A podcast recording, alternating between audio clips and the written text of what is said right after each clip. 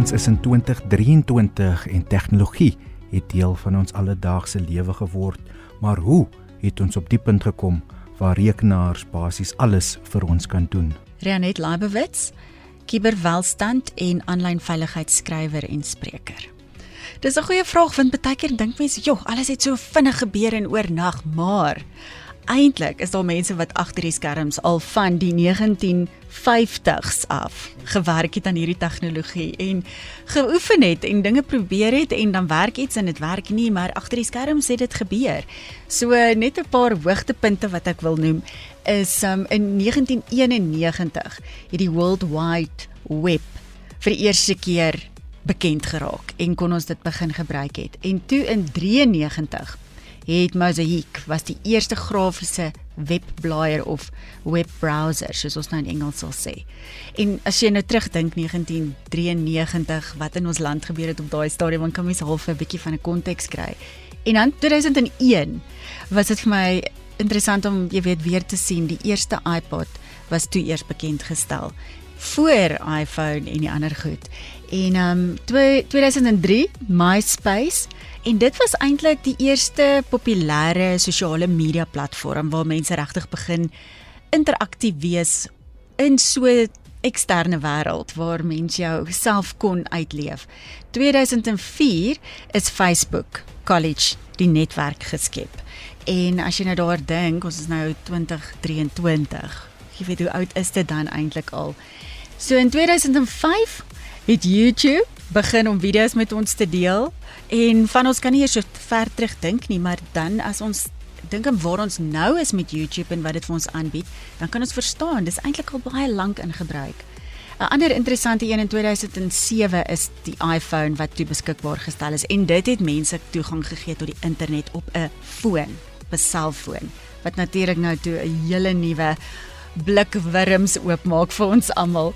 En in 2009 Google het toegang vir ons gegee tot real-time search of soek engines wat ook ek dink die wêreld vir ons almal oopgemaak het. Toe het Snapchat in 2011 bekend geraak en in 2013 was die eerste Wi-Fi ketel beskikbaar gestel so jy kon die ketel aanskakel van jou uit jou bed voordat jy nog in die kombuis kom en dis ek dink dink aan is lank terug 2013 en um, 2014 het Amazon Alexa bekend gestel wat 'n virtuele assistent toe nou was. En ehm um, die Apple Watch is toe eers in 2015 bekend gestel. So as jy kyk nou eers die iPod, die iPhone, toe die Watch, maar of die oorlosie, Google Home en dis vir my lekker om hierdie goed ook raak te sien is in 2017 het Google Home die tweede generasie van Amazon Alexa in 'n daai speaker formaat vir ons gebied. En 'n laaste twee goed wat ek wil noem is in 2019 het ehm um, die internet bietjie meer mens geword deur goed te laat gebeur wat ons kan amper die algoritmes agter die skerms kan sien en wanneer jy kan sien die rekenaar praat eintlik met jou asof hy geluister het na wat ja. jy gesê het. Jy weet daai ons gaan soek iets en dan ewe skielik kry ons advertensies op al die platforms oor Parys of 'n nuwe laptop wat ons wil koop ensovoorts. En in 2020 het dit renewable energy sources en allerlei goeder soos dit begin anders verteenwoordig raak aanlyn. En nou is ons by Chat GPT en soos ek vroeër genoem het, dit is al eintlik in die 9050s begin ondersoek en ontwerp. Pieter Geldnys, die direkteur by die Instituut vir Tegnologie Strategie en Innovasie. As gevolg van my persoonlikheid en in die werk waarna ek is, is ek baie positief teenoor tegnologie. Daar's geweldige voordele wat ons daaruit kan ontsluit. Ons het baie hoër produktiwiteit en nou tegnologie is een van die min dinge wat deflasionêr is. So ons kry die heeltyd tegnologie wat ons help om dinge beter en vinniger te doen. Daar's geweldig baie inflasionêre impak op ons samelewing.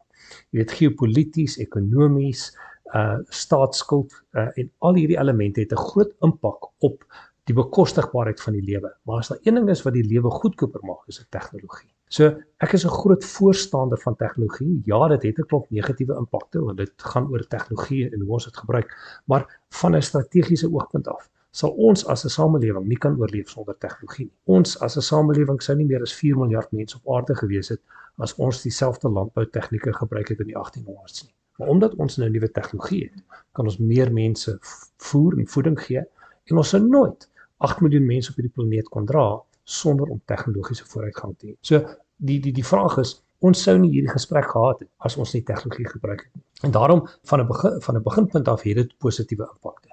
Daar is wel negatiewe impakte. Al hoe meer en meer gesondheidsprobleme omdat mense amper dopamien verslaaf raak aan tegnologie. Ehm um, net soos wat ons aan dwelms verslaaf raak wat 'n impak op dopamien het, het dit ook 'n is dit ook 'n feit dat as jy die hele tyd op jou foon werk of jy speletjies speel, daarop 'n dopamien afskeiding in jou brein kom en jy raak amper verslaaf aan daai dopamien afskeiding baie baie groot gesondheidsprobleme. Dit het 'n probleem dat mense antisosiaal raak. Uh en daarom is dit baie belangrik deur vriende te hê en met hulle te praat. Is daar ander chemiese afskeidings wat wat afkom?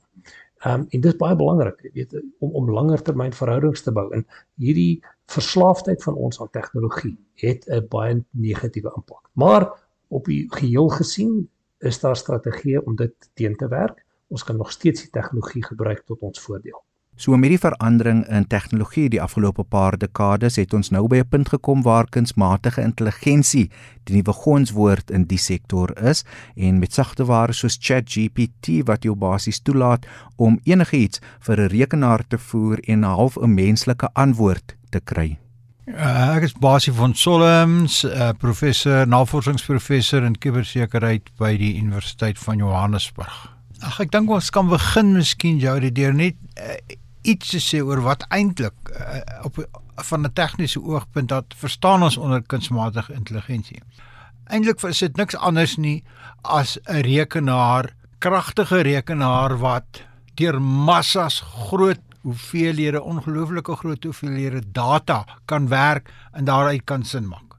En dat jy hom kan leer. Kom ons vat 'n voorbeeld van wat wat kan jy hom leer? Kom ons sê jy stel jy jy het 10000 mammogram plate ekstra plate wat nou net plate is of wat nou 'n uh, rekenaar beelde is. En jy sê vir die rekenaar jou rekenaarprogram laat jy nou sê en kyk nou vir my hier hier vat my elkeen van hierdie data uh, plate of template en bekyk hulle. Nou nou lees hy dit nou kan hy dit interpreteer. Nou begin hy vir hom kennis opbou. Wat sê okay so lyk like, uh die resultaat van 'n mammogram se se data template. En op dië manier laat jy hom stel jy hom bloot die program nou. Nie hy nie is ook nie sy nie, dis dit.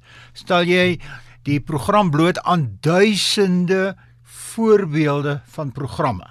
En die rekenaar leer nou, hy herken dus nou, hy kan sien hoe lyk 'n tipiese mammogram uh data template en hy stoor dit. Nou konfronteer jy hom met nou leer jy hom. Nou sê vir hom, "Oké, okay, hier is 'n voorbeeld van iemand wat uh, in 'n vroeë stadium van kanker is. So lyk hy." En nou nou gaan stoor hy dit as so 'n voorbeeld. Dan kan jy dit vergelyk met al die ander wat hy gesien het en gaan sien daar is nog sulke voorbeelde. En nou op die stadium het hy hierdie massiewe klomp inligting en nou kan jy vir hom vra uh as 'n pasiënt kom nou by jou en jy neem 'n mammogram van die pasiënt en jy vat nou daai data template en jy gee dit vir die program.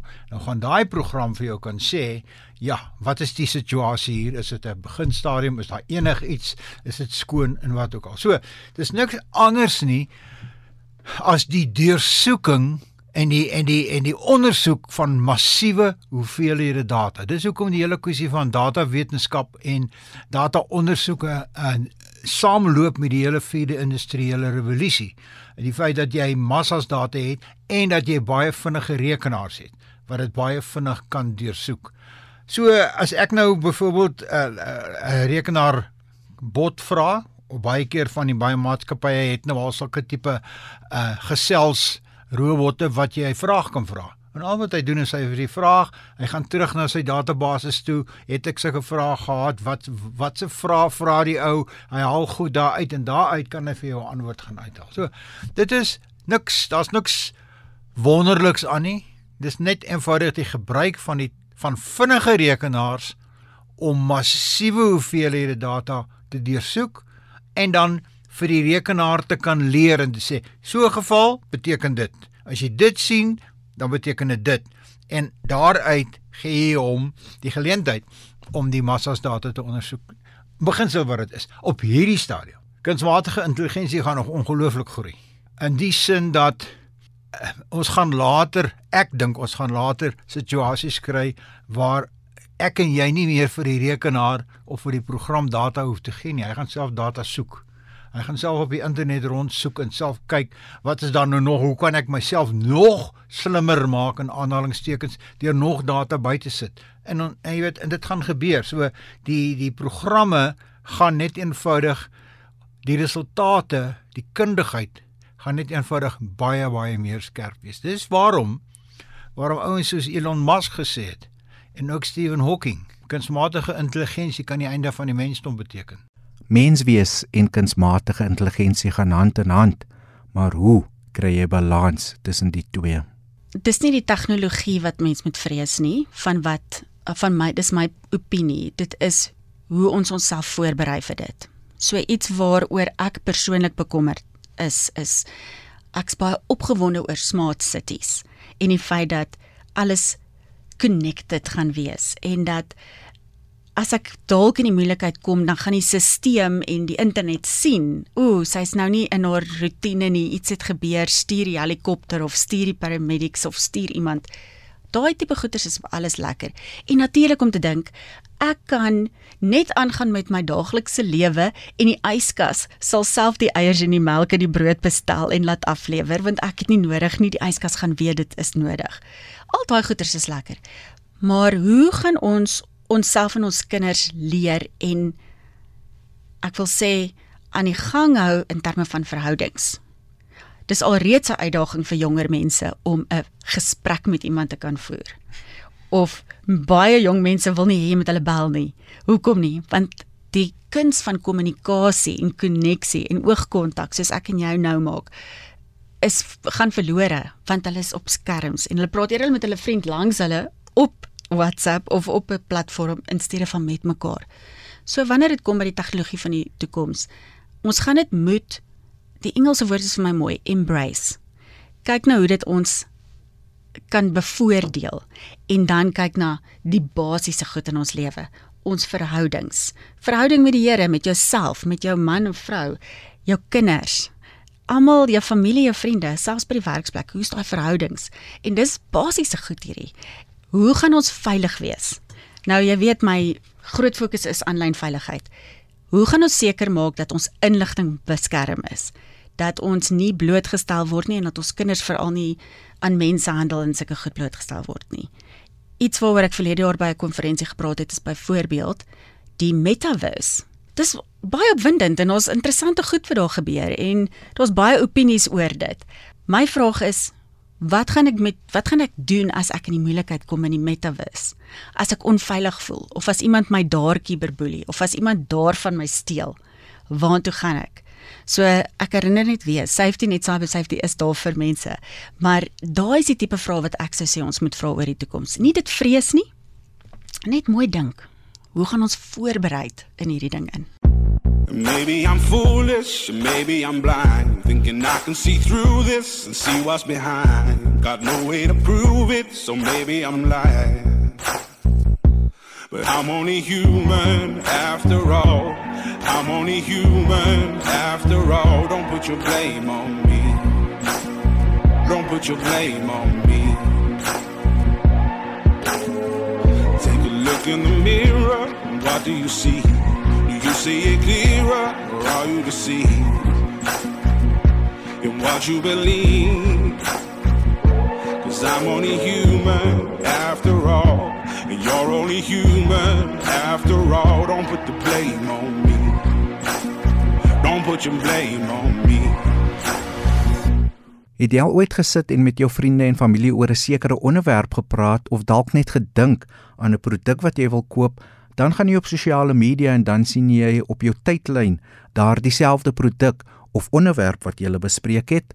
Kunsmatige intelligensie is ook verantwoordelik hiervoor. So jy moet dan baie krities dink aan die wêreld daar buite, maar jy gaan al hoe meer en meer advertensies kry wat met jou resoneer. So jy sê maar hierdie maatskappy verstaan wat vir my belangrik is. Ek stem saam met hulle, daarom koop ek in op wat hulle sê. So dit is maar 'n realiteit van ons wêreld. Dis hoe advertensies werk. Hulle wil 'n boodskap aan jou oordra. So vir verby is dit daar waar hulle een generiese advertensie aan almal uitstuur. Welkom vir die dae waar daar 'n verskillende advertensie vir verskillende persoonlikheidsgroepe gemaak word. Ek dink nie heeltemal ons is hulle sal daar nie. Hier is maar 'n laaste 4, 5 jaar wat dit 'n realiteit is. En nog nie al die maatskappye het begin doen nie, maar al hoe meer en meer maatskappye begin dit wel daarop fokus. Kyk, hulle kan sien deur ons gedrag aanlyn, kan hulle ons ouderdom bepaal, waar ons gebaseer is, watter land, watse currency, wat gebruik jy en al daai fasette bepaal is jy hulle teikenmark of nie?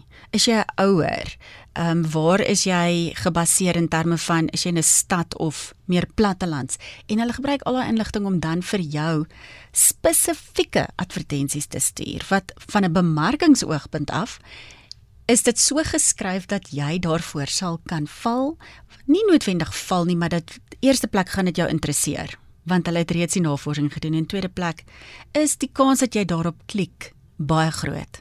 En dis hoekom ons moet mooi pas op en kyk na al hierdie pop-ups wat die hele tyd na ons kant toe kom. Gaan ek daarop my my vinger daarop sit en dit ek wil sê aanvaar of gaan ek eerder nie? Want elke keer as jy dit nou wel klik, dan gaan hulle sien, okay, jy stel belang en jy weet self, mense gaan dan in hierdie soos ons dan sê in Engels 'n rabbit hole of in Noordrand het jy 20 minute spandeer op iets wat jy nie eers wou nie. So ja, hulle kan hulle kan agter die skerm sien. En as jy byvoorbeeld op Facebook gaan en jy wil advertensies plaas of iets laat uitstaan, ons almal sien daai advertensies. Professor van Solms het ook sy vrese oor kunsmatige intelligensie uitgespreek.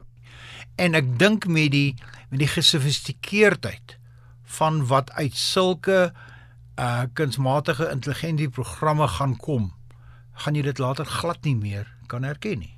Jy gaan nie en dis my bekommernis dat jy nie meer gaan onderskei tussen die werklikheid en die uh, virtuele wêreld nie. Die werklike wêreld en die virtuele wêreld gaan amper uh meng en jy gaan nie meer weet waar jy staan nie. En dit is 'n groot probleem.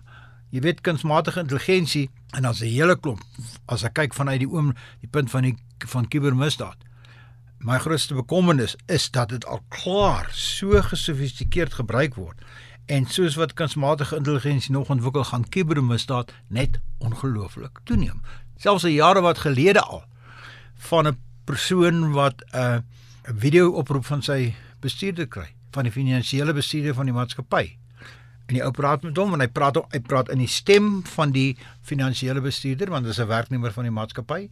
Hy sien die ou, daar's werklik hy ensovoorts en die ou sê vir hom, daar's nou 'n krisis, jy moet onmiddellik nou uh, iets soos 200 000 euro so wat ek al oorbetaal na hierdie kliënt toe. En die ou doen dit.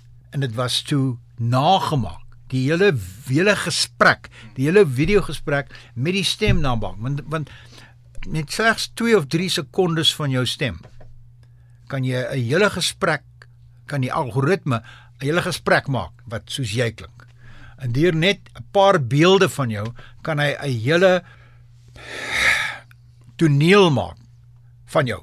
En dis was en dis wat my bang maak. Dat hoe gaan ek en jy daai daai virtuele probleem onderskei as die ou my bel en sê hoorie ek is die bankbestuurder jy ken my al baie baie jare lank. Ek het al hoeveel met jou gepraat. Hier's 'n probleem met jou bank sake. Ons merk uh, bedrog op. Jy moet onmiddellik die volgende ding doen. Wat gaan ek doen? Gaan hom reageer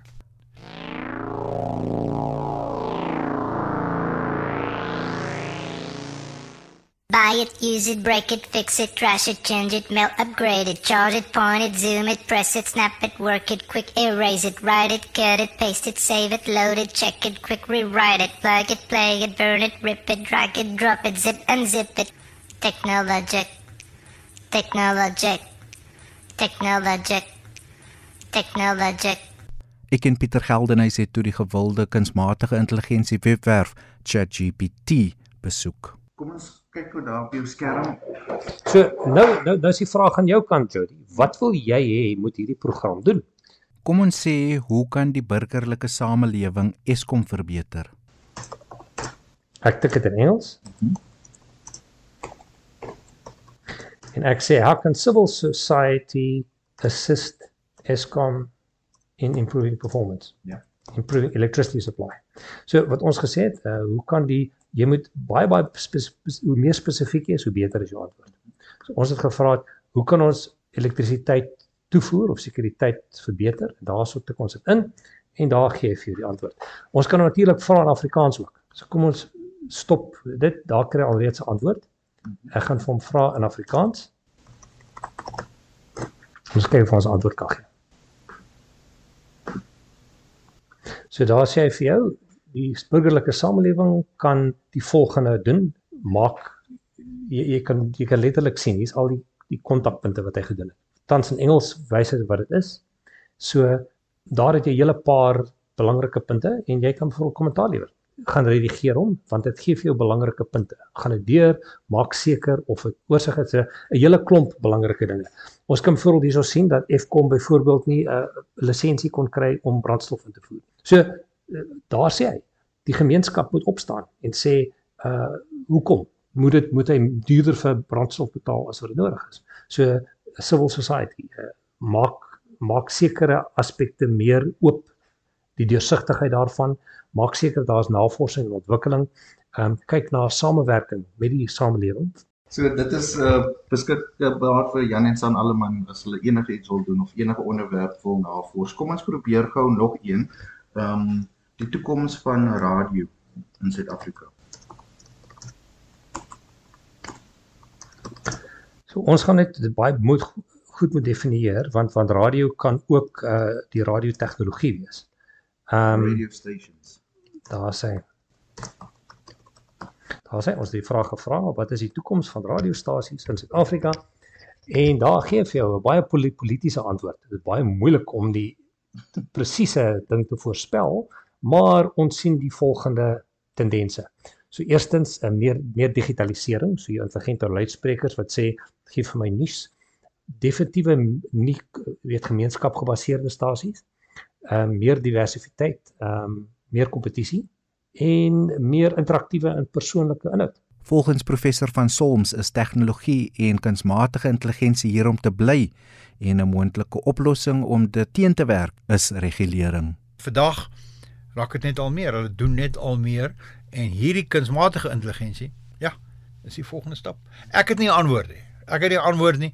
Ek moet jou sê ek ek dink 'n uh, mask in en Stephen Hawking en die mense het 'n punt weet. Ek het geen twyfel daaraan nie. Maar mens moenie die kind met die badwater uitgooi nie. Ek dink kunsmatige intelligensie het alreeds en gaan in die toekoms ongelooflike voordele hê vir die mens. Dit gaan die mense lewensgehalte verbeter. Dit gaan op honderde plekke gaan dit sy bestaan verander. Dit gaan gaan die hele kwessie van uh, kosprobleme oplos. So ons moenie sê uh, skrap dit nie. Die tegnologie is gevaarlik nie. Ons moet die haal die goeie uit, ontwikkel die goeie, hou jou oog op die slegte, want daar as 'n slegte kan en beheer dit op 'n manier, kontroleer dit. Ons ons moet begin vroegtydig moet begin uitvind en navorsing doen en 'n verslag skryf en die regering attent maak daarop dat hierdie goed moenie onbeheers kan voortgaan nie.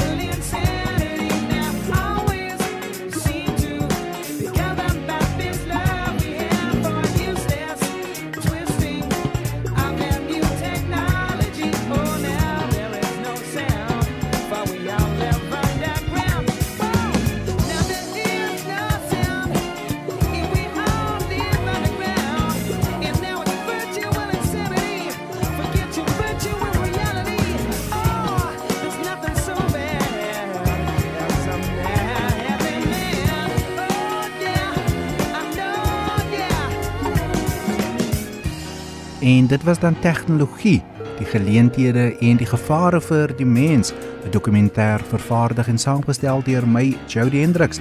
Dankie aan al my gaste wat deelgeneem het, professor Basie van Soms, Pieter Geldenhuys en Rianet Labowitz.